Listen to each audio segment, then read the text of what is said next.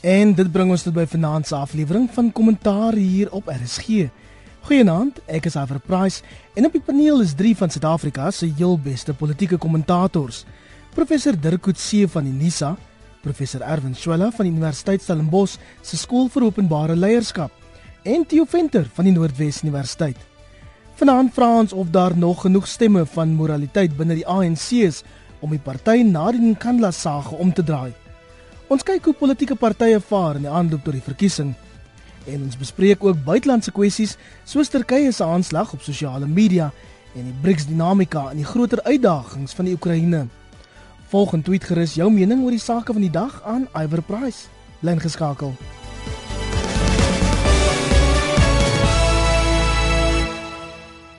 Meneer Hoofnuus bly steeds Tuli Madonsela se bevinding dat president Zuma onbehoorlik voordeel getrek het uit 'n opknapping van 246 miljoen rand aan sy huis by Nkandla. En Dirk ons weet baie Suid-Afrikaners is woedend, maar die groot vraag is daar genoeg momentum binne die ANC om dit behoorlik aan te spreek. Jou reaksie? Ons aanduidings dat daar binne die ANC veral senior persone is um, wat nie meer in die regering is nie, veral voormalige lede uh, wat besig is om uit te kom om om president Zuma nie openbaar te kritiseer.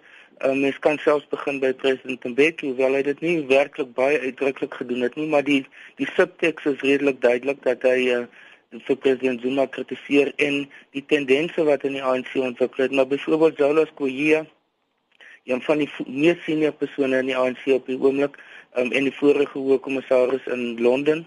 Um, hy het dit gedoen uh, Paulo Jordan het 'n baie belangrike uh, stuk geskryf in die Business Day uh, op die 27ste. Ronnie Castro het byvoorbeeld op 702 die uh, radio het hy 'n baie eksplisiete on, uh, onreg gehad.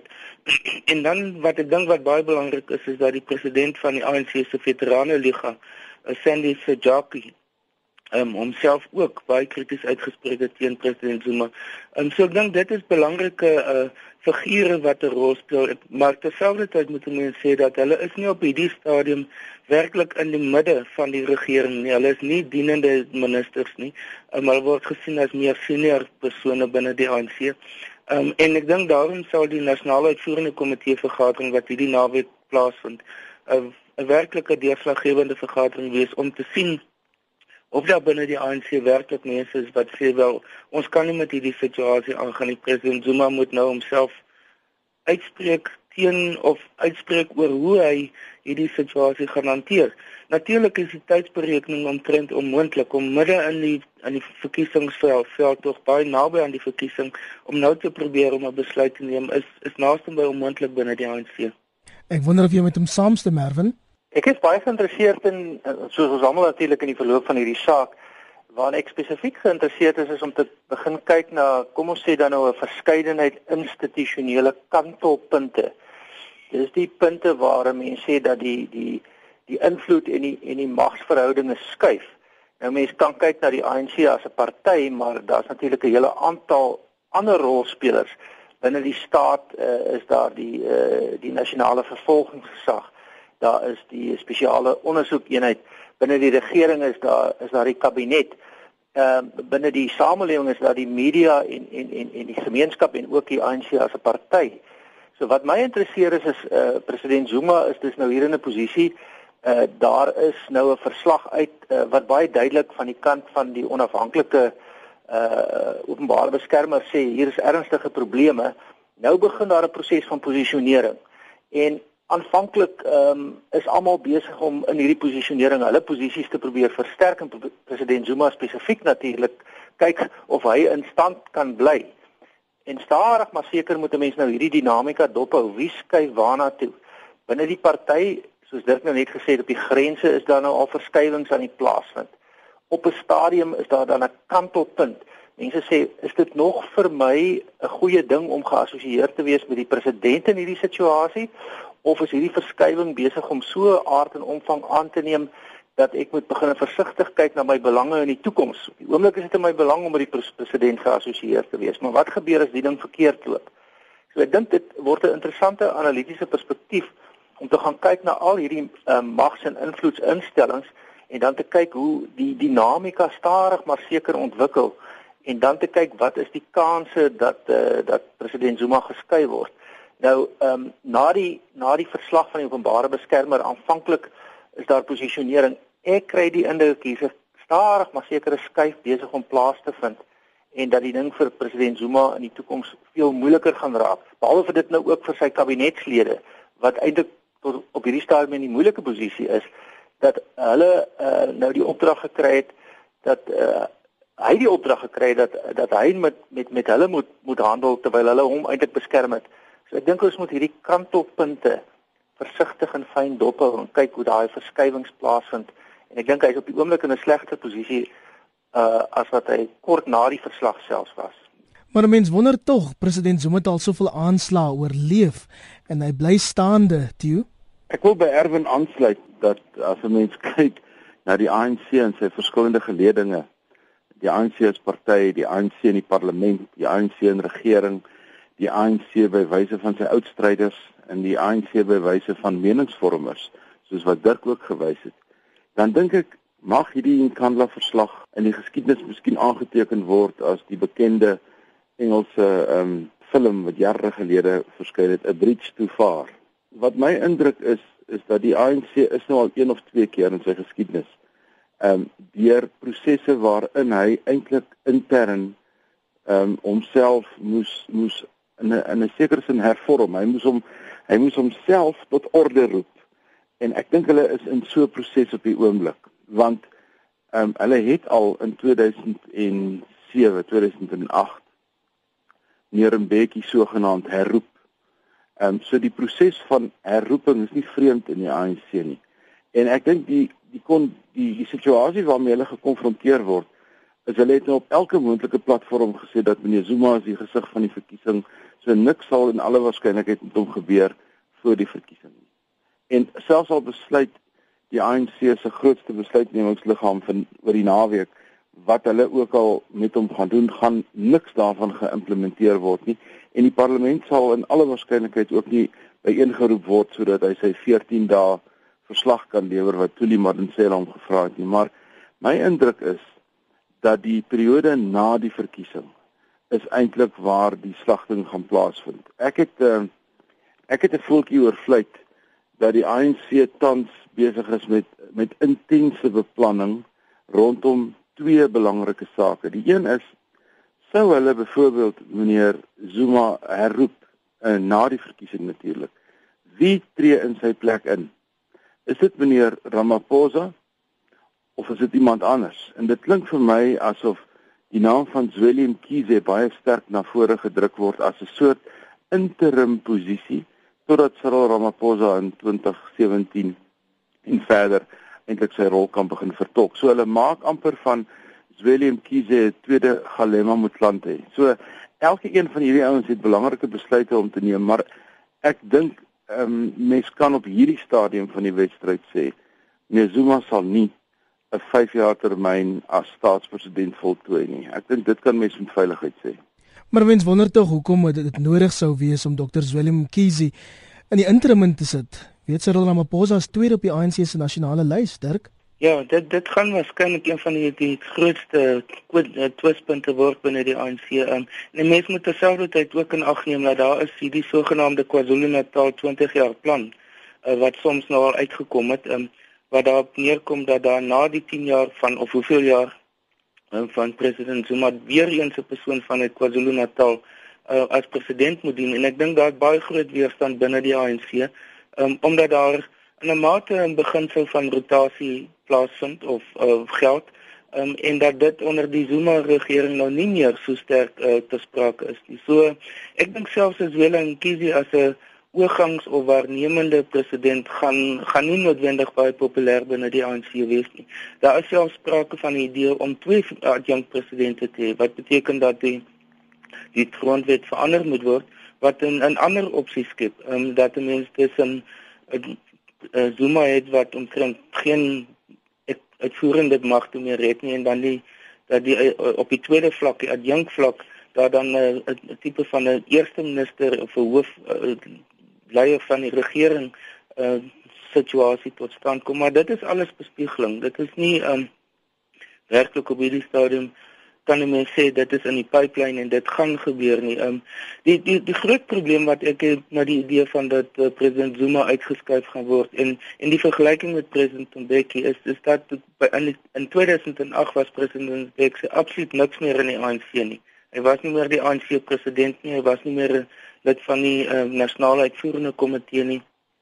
So hy was baie weerloos teen enige skuwe wat deur die nasionale uitvoerende komitee of enige liggaam binne die ANC gemaak kan word. En terwyl president Zuma as die sittende president, hy is relatief kort gelede as president gekies. Die die tweede belangrike punt is hy kom van KwaZulu-Natal. Nou ek dink ons gaan in hierdie verkiesing sien dat die ANC ten spyte van Ipsos se voorspellings of se ehm um, vermeningsopname dat die ANC in, in alle provinsies gaan steun verloor behalwe KwaZulu-Natal. Ja, so om die persoon wat die figuur die die gesig van KwaZulu-Natal is te probeer aanvat, uh, gaan baie baie uh, probleme op potensiële probleme vir die vir die ANC inhou. Ons het elke keer gesien as daar 'n groot skuif gemaak word, byvoorbeeld in 2008 toe president Mbeki uiters word koop gevorm in toe Julius Malema en 'n groot mate Limpopo se invloed uit die ANC uitgehaal is, is die EFF gevorm. Ek dink nie die ANC kan bekostig om iets soortgelyks te doen en dan die risiko te loop dat dit dan skering of 'n groepering uit die KwaZulu-Natal gaan onttrek terwyl hulle van die die koppetelproses, die stemmingsproses, die steun wat die ANC op die oomblik in KwaZulu-Natal geniet. Professor Andre Dievenage verwys daarna as die Zulufokasie van die ANC. Nou Erwin, ek weet jy het 'n groot belangstelling in leierskap. Van die koerante die week gesê 'n mens moet 'n onderskeid tref tussen die ANC se huidige verkose leierskap en dan die vryheidsorganisasie, die Vryheidsbeweging wat bekend is vir bietjie meer morele leierskap. Maar ek wonder of dit nie te laat is om nou daai soort onderskeid te wil tref nie. Dit is natuurlik nooit te laat nie. Mense kan uh, altyd van voor af begin en daar is uh, baie interessante scenario's stellings um, onder andere uh die stel scenario's wat onlangs ontwikkel is uh en aangebied is deur Jackie Silje van die Instituut vir Veiligheidsstudies uh, wat sê dat die ANC twee moontlikhede in die toekoms en dit is uh om die ou waardes uh en ook leierskapswaardes van die van die uh vryheidsstryd uh wat ook maar dubbelsinnig is, nee, daar was ook 'n stel baie revolusionêre waardes wat daar uh gefigureer het maar uh, daar was ook 'n stel waardes wat gekyk het na uh, na aspekte van ehm um, goeie regering um, om 'n inklusiewe uh, regering te vorm veral later in die geskiedenis van die ANC. So dit kan herontdek word en as 'n mens dan gaan kyk, die die die die moontlikheid is daar dat dat hierdie afskilfering van 'n groep intellektuele mense en 'n groep mense wat uh, besig is om om die posisie te herdink. Mens kan maar dink meneer Manuel gaan nou uit, meneer Montlante gaan uit Ons weet ook uh, dat uh, eh, Dr. Paulo Jordan het bepaalde standpunte ingeneem. So daar is 'n groep van die mense in die ANC wat ook ernstig bekommerd is oor wat hier aan die gebeur is. Uh, dit het dink ek weliswaar iets te maak met die samestelling van die ondersteuningsgroepe in KwaZulu-Natal wat as gevolg van die uh tot 'n mate inploffing van uh van die EFF ehm um, groter getalle steenlewer vir die ANC is belangrik, maar daar is 'n groot klomp bewegings en ek en ek en ek en ek verwys weer na na hierdie idees wat ek begine vorm oor die oor kantelpunte. Op watter punt word die momentum, die kritiese massa groot genoeg dat daar groter verskywings begin plaasvind? So weer eens as 'n mens dit kop aan leier koppel aan leierskap, dan kan jy nou gaan kyk, daar is stadige verskywings wat wat met die tyd momentum optel of soms nie. Ehm um, en leiers het natuurlik ook legitimiteit en ondersteuning nodig.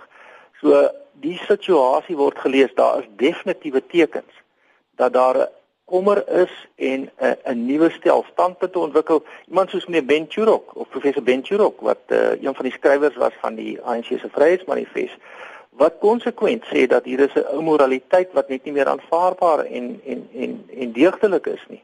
So ehm um, hier kom interessante skuwe op watter punt daai kritiese massa ontwikkel wat dit dan vir 'n nuwe groep leiers moontlik maak om op te tree en of dit ontwikkel in die regte rigting is nog 'n vraag.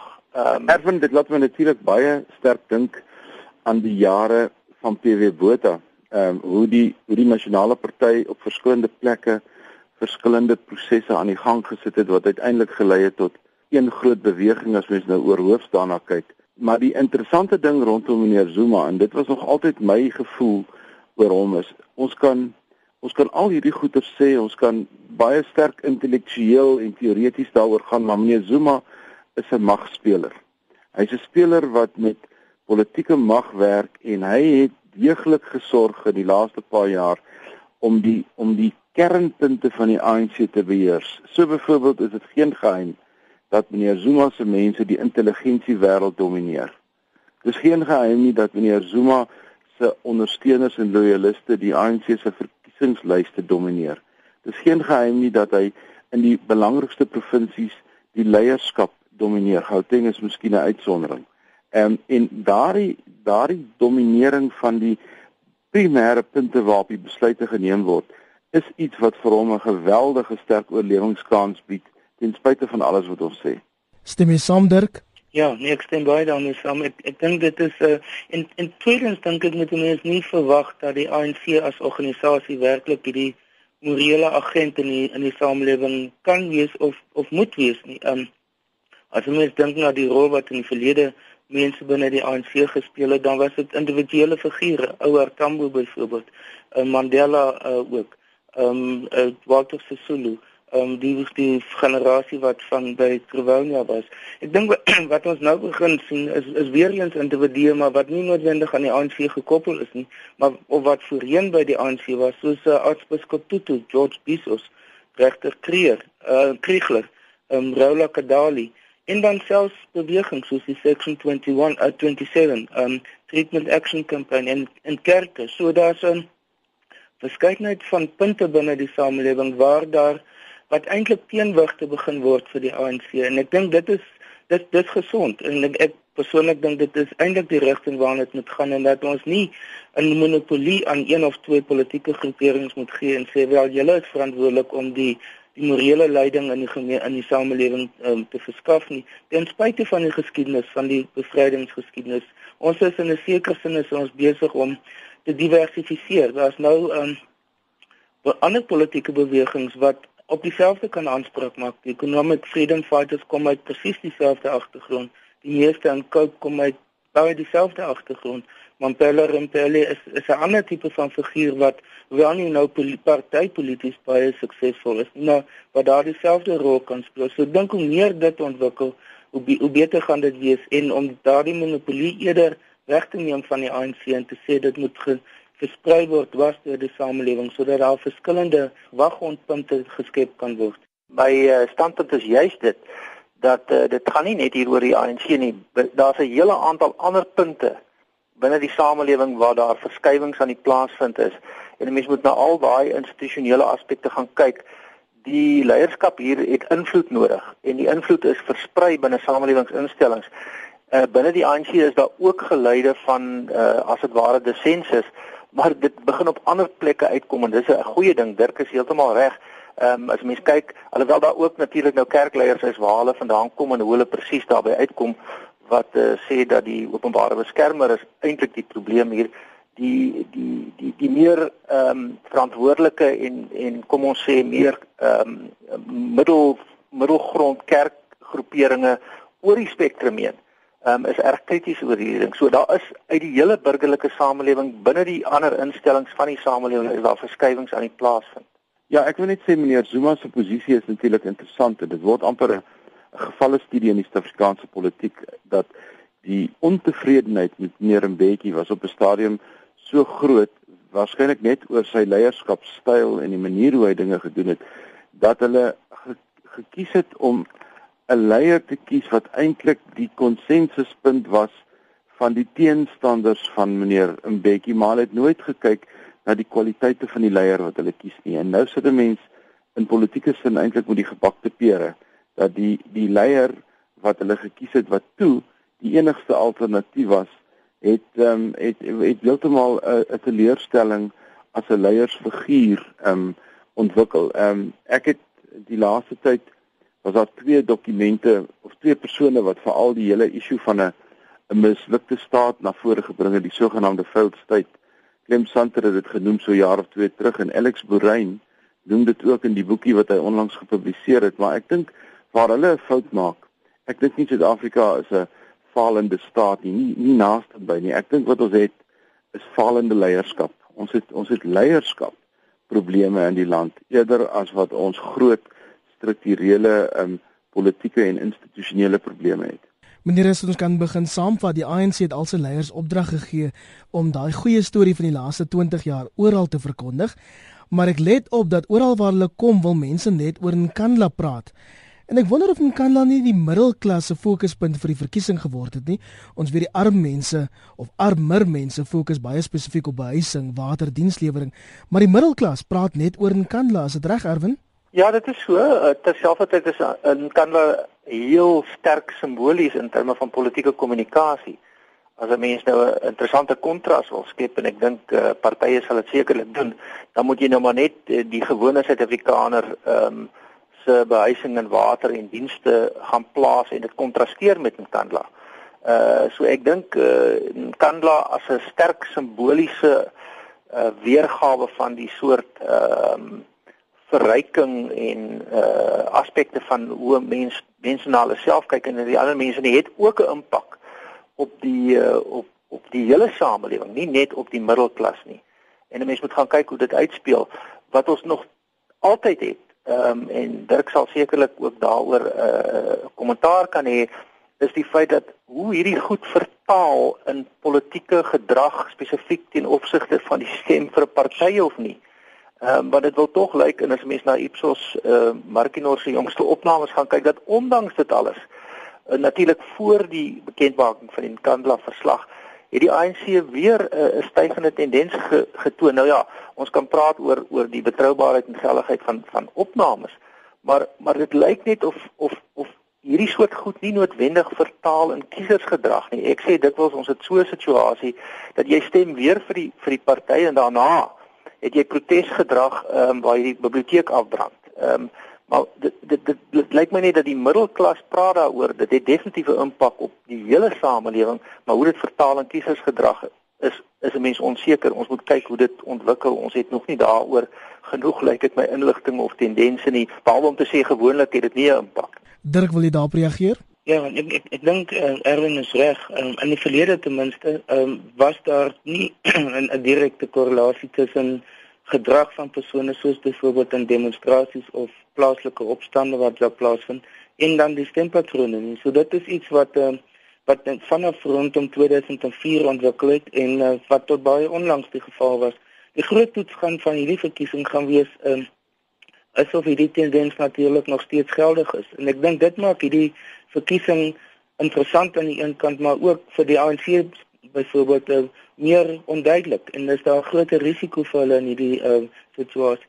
Ehm um, ek ek dink die die een punt wat mense miskien moet sê is ja die die middelklas praat hier oor, maar die middelklas is meer in staat om hulle self uit te druk in die openbaar. Ek dink die inkantlas iets wat oor die verskillende klasgroeperings strek um, en dis iets wat nou simptomaties geword het van die probleme van president Zuma se regering in die algemeen, want dit gaan oor korrupsie, dit gaan oor verryking, gaan oor selfgesentreerdheid, dit gaan oor die groot gaping tussen die politieke elite en die gewone mense wat die gewone stemmers en ondersteuners. Ehm um, so dit is in 'n groot mate simptomaties van al daardie probleme. Ek, ek dink 'n ander faktor wat in 'n mate nou verdwyn het, maar wat de, definitief of in, uit die openbaar verdwyn het, maar wat definitief nog daar is, is byvoorbeeld die etolstelsel. Um, want in Kantla aan die etolstelsel was baie nou aan mekaar gekoppel einde verlede jaar byvoorbeeld toe president Zuma in by die FNB stadion uitgejou is, was dit van die grootste kwessies wat bespreek is. En so mens ek dink nie mense moet die die uh dit wat in die openbaar geartikuleer word ge, gesien word as die enigste groot kwessies nie. Daar's op die laer vlakke is daar anders uh of is is mense in staat om homself uit te druk in maar dis nie so soveel in openbaar ehm um, wat dit gesien kan word nie. So ek dink dat die vir vir die ANC gaan die groot vraag wees is hoe kan hulle wegkom van 'n kantla en meer terugkom na dit wat hulle primêre boodskap van hierdie verkiesing is, is om te sê kyk wat het oor die afgelope 20 jaar plaasgevind. Nou dink wat die die DA en die EFF se strategie spesifiek is is om te sê ja, die die vorige 15 jaar was goed geweest. Die Mandela en die Mbeki periodes, maar die Zuma periode spesifiek is die een waarop ons wil fokus en wil af, afskouer van die res van die ANC se geskiedenis en sê wel die die die die, die probleem is die Zuma periode. En ek dink dis die groot kommunikasieprobleem vir die ANC is hoe om 'n teenboodskap te ontwikkel daarvoor. As ons kan aanbeweeg en op die ander politieke partye fokus, ons het die laaste 2 weke oorlopery tussen verskillende partye gesien en veral die DHLP en Nikki van der Berg se aansluiting by die Vryheidsfront Plus het 'n Afrikaanse geleedere opslag gemaak.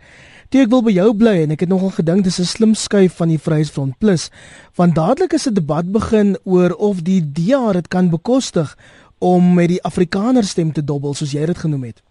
Ja, ek dink dit is 'n dis 'n risiko wat die wat die DA geloop het. Ek wil nou nie op persone fokus nie. Ek wil eintlik drie kategorieë uitwys van die van die mense wat oorgeloop het en hoog op die Vryheidsfront se lys geëindig het.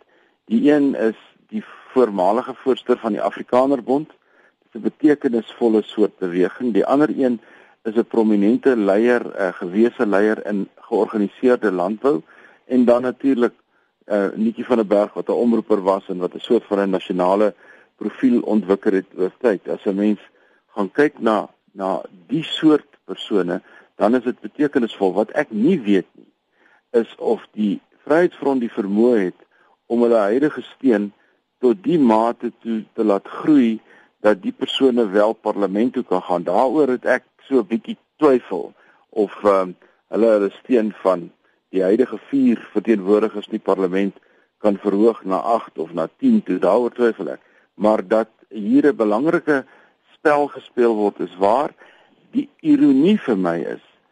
Dit die DA het nie 'n keuse as om sy steen uit te brei in die swart constituency van Suid-Afrika in in swart geleeder jy het nie 'n keuse nie.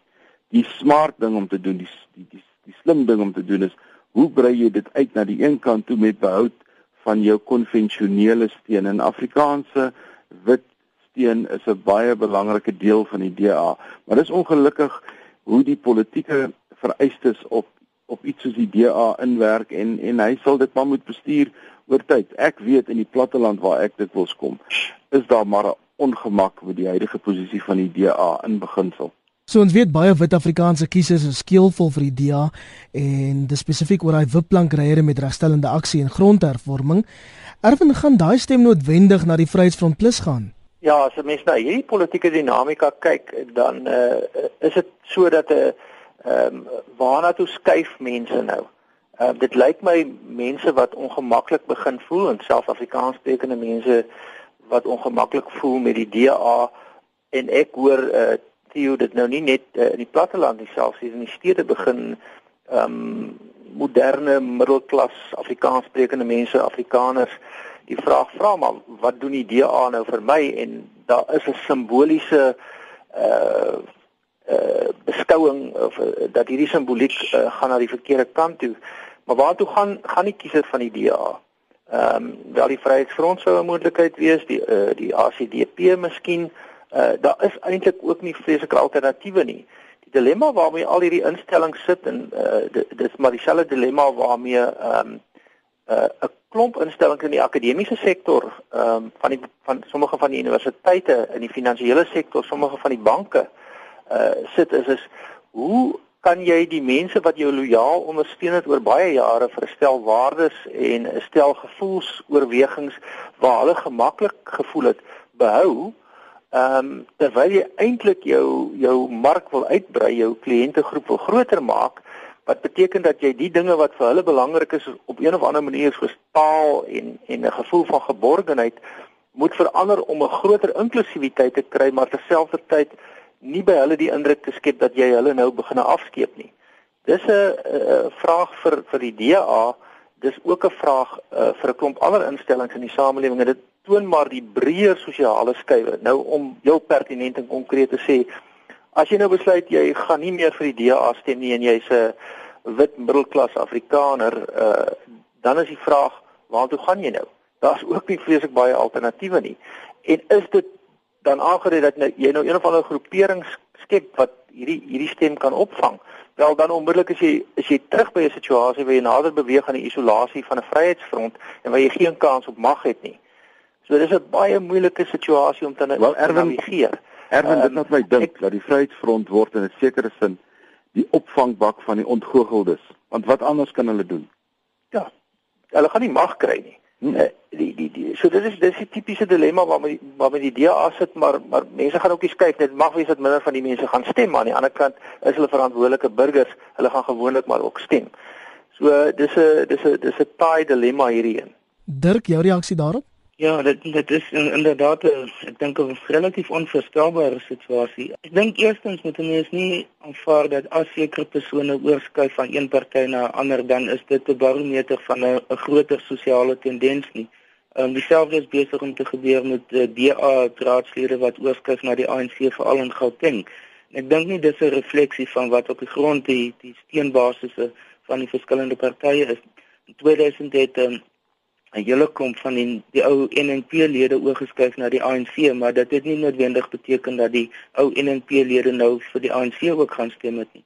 Ehm um, die ek dink die groot skuif binne die ou DP en later DA het plaasgevind met die 1999 verkiesing toe die NNP-lede in 'n groot mate oorgeskuif het na die na die DA toe of die DP toe dan. Ehm um, en en daarvan aan het dit stelselmatig gegroei. Ek ek dink die die groot vraag vir persone in die algemeen is uh, wil hulle definieer hulle self as deel van die oppositie of wil hulle deel van 'n van 'n groepering wees wat kan invloed hê op besluitneming. Nie noodwendig die regering nie, maar wel wat wel by besluitnemingsprosesse betrokke is. Nou ek dink op hierdie stadium is die Vryheidsfront Plus is wel die die leier Dr. Muller is adjunkminister. Ek is nie seker of hy weer as adjunkminister aangestel kan word nie, maar hy het nie besonder baie invloed gehad in die die afgelope kabinet nie. Ehm um, so ek dink daar is nie vir diegene wat homself sien as dat hulle kulturele aspekte wil probeer beskerm, dat hulle wil die die die denkrigting in die besluitnemingsprosesse wil be, probeer beïnvloed, dan gaan die die Vryheidsfront nie 'n opsie wees nie maar maar maar steeds die DA as dit gaan meer oor beskerming ter wille van beskerming op sigself as 'n openbare standpunt wat ingeneem word um, dan gaan die Vryheidsfront waarskynlik meer van 'n opsie word ek dink die probleem vir baie mense is dat die die Vryheidsfront se assosiasie met die, die met die meer konservatiewe idees van 'n byvoorbeeld in die verlede van 'n volksstaat is vir baie mense byvoorbeeld sin maar in die Weskaap is net so 'n vreemde idee dat dit nie nie werklik aantreklik kan wees of dat dit 'n werklike opsie vir hulle kan skep nie. So ek dink wat ons gesien het sedert 1994 is dat veral Afrikaanssprekendes begin het om hulle hulle stemme oor 'n wye spektrum te versprei dat dit sommige was binne die ou UDM toe Rolf Meyer daar was, sommige na die Vryheidsfront, sommige na die na vandag se DA toe, ehm um, sommige van na die ANC toe selfs en ek, ek dink dit gaan vorentoe steeds die tendens wees. Tie baie kortliks, ek wonder of jy met Dirk saamstem oor Dr Pieter Mulder se invloed. My indruk was dat hy hoogs invloedryk is en dat daai departement nie sonder omstandighede kon bly nie met Tina Jumat Petersen daar. Nee, ek stem in 'n mate met Dirk saam. Ons moet 'n onderskeid tref tussen Pieter Mulder se administratiewe bestuursvermoë, dit is dit is so, maar politieke invloed baie min. Wat wat ehm um, wat hy doen, kyk hy's 'n meester in kommunikasie en ek dink wat uh, Pieter Mulder reg kry is hy projekteer dit wat hy doen baie positief of dit die werklikheid reflekteer is 'n totale ander storie. Wanneer die tyd is besig om ons in te haal maar ek wil beweeg na buitelandse nuus en die voortsleepende twis rondom Rusland se besetting van die Krimskiereiland het ook 'n Suid-Afrikaanse kinkel en Suid-Afrika het as deel van die BRICS-groepering die week buite stemming gebly by die Verenigde Nasies. Hoekom Dirk? Ja, dit is moeilik om presies te sê hoekom. Ehm um, dat eerstens die resolusie was oorweldigend ten gunste van die die kritiek wat daar teen Rusland uitgespreek is. Daar was 100 stemme ten gunste van die resolusie wat krities was. Net 11 het vir die Russiese standpunt probeer ondersteun en 58 was buite stemming geweest. Onder andere al vyf lande behalwe Rusland, die ander lande van die BRICS-groepering. Ehm um, elke land van die BRICS-groepering het verskillende redes. Byvoorbeeld China het blykbaar en ek het um, Dirk persone het dit vir my uitgewys hierdie week dat daar baie sterk Chinese ekonomiese belange aan die Krimskere land. Um, en daarom wil hulle dit nie uh, dit wil hulle probeer beskerm, um, maar terselfdertyd wil hulle ook nie Rusland heeltemal antagoniseer nie. Um Suid-Afrika het 'n uh, se standpunt in die verklaring wat na die tyd uitgereik is is deur te sê dat hulle moet probeer om deur dialoog en deur politieke onderhandelingsprosesse onder andere saam met die OS OSCE te probeer om 'n langtermyn oplossing te vind. Wat beteken by implikasie dat die die referendum wat daar gehou is dat Suid-Afrika die uitslag daarvan nie aanvaar nie. Um en ook nie die skuif die onafhanklikheidsverklaring van die Krim en die aansluiting by Rusland dat dit ook nie geag word as internasionaal aanvaarbaar nie. So in by implikasie het Suid-Afrika wel 'n standpunt gestel, maar hulle het dit nie in die vorm van 'n openlike keuse in in die in die stemmingsproses uitgedruk nie. Ek dink dit dit kom daarop neer dat uh, dat lande versigtig is deur te sê wel dit kan 'n presedent skep vir vorentoe. Dit het reeds in Georgia plaasgevind dat twee kleiner um, streke deur die Russies deur die Russe nou beset is sedert 2008.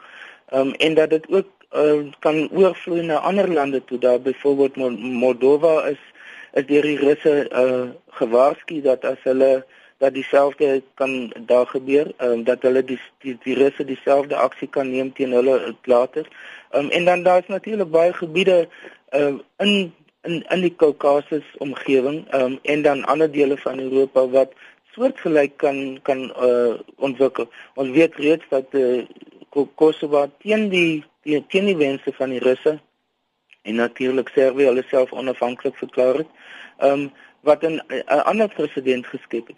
Ehm um, en dan is daar nou gebiede soos Nagorno-Karabakh in in die in Azerbaijan wat ook in dieselfde situasie is. So ek dink die en dit was die die verklaring van die sekretaris-generaal van die VN te sê dat die die algemene standpunt van die VN is deur te sê dat lande nou self nie moet afsplits om afskei van bestaande lande nie want dit kan tot 'n totale diplomatieke wanorde uiteindelik lei en um, en daar moet die die Krim nie as 'n as 'n president kan gebruik word in die toekoms nie.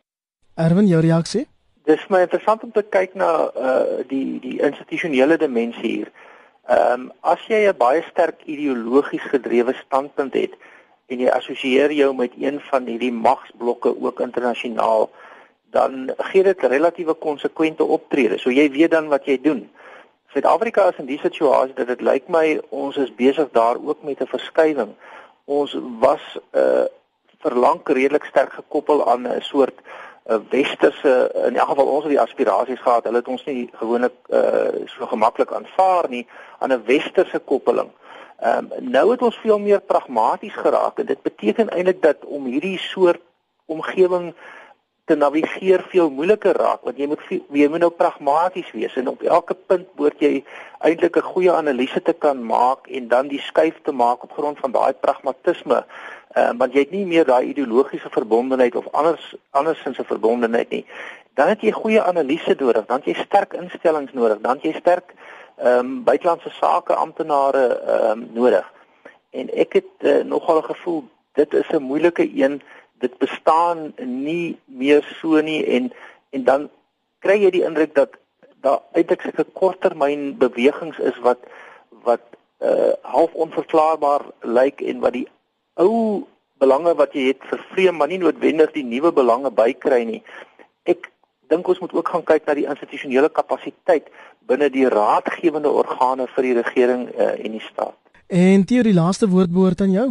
As mens gaan kyk na die ANC se beleidsdokument wat hieroor praat, um, sy strategie en taktiek dokument, dan is die ANC uitgesproke gekant teen enige vorm van imperialisme, enige vorm van kolonialisme en hier kry ons die anneksasie van die Krim skiereiland wat wens eintlik assosieer met die 1880s en daar rond. En die ANC is soos Erwan reg gesê het en Dirk gewys het, hulle is eintlik stil oor iets waaroor hulle baie sterk ideologiese menings het maar ek dink dit het te doen met ons verhouding met BRICS en die smeer en ons het eintlik wat dit aanbetref 'n toeskouer geword en nie werklik 'n speler in hierdie spel nie.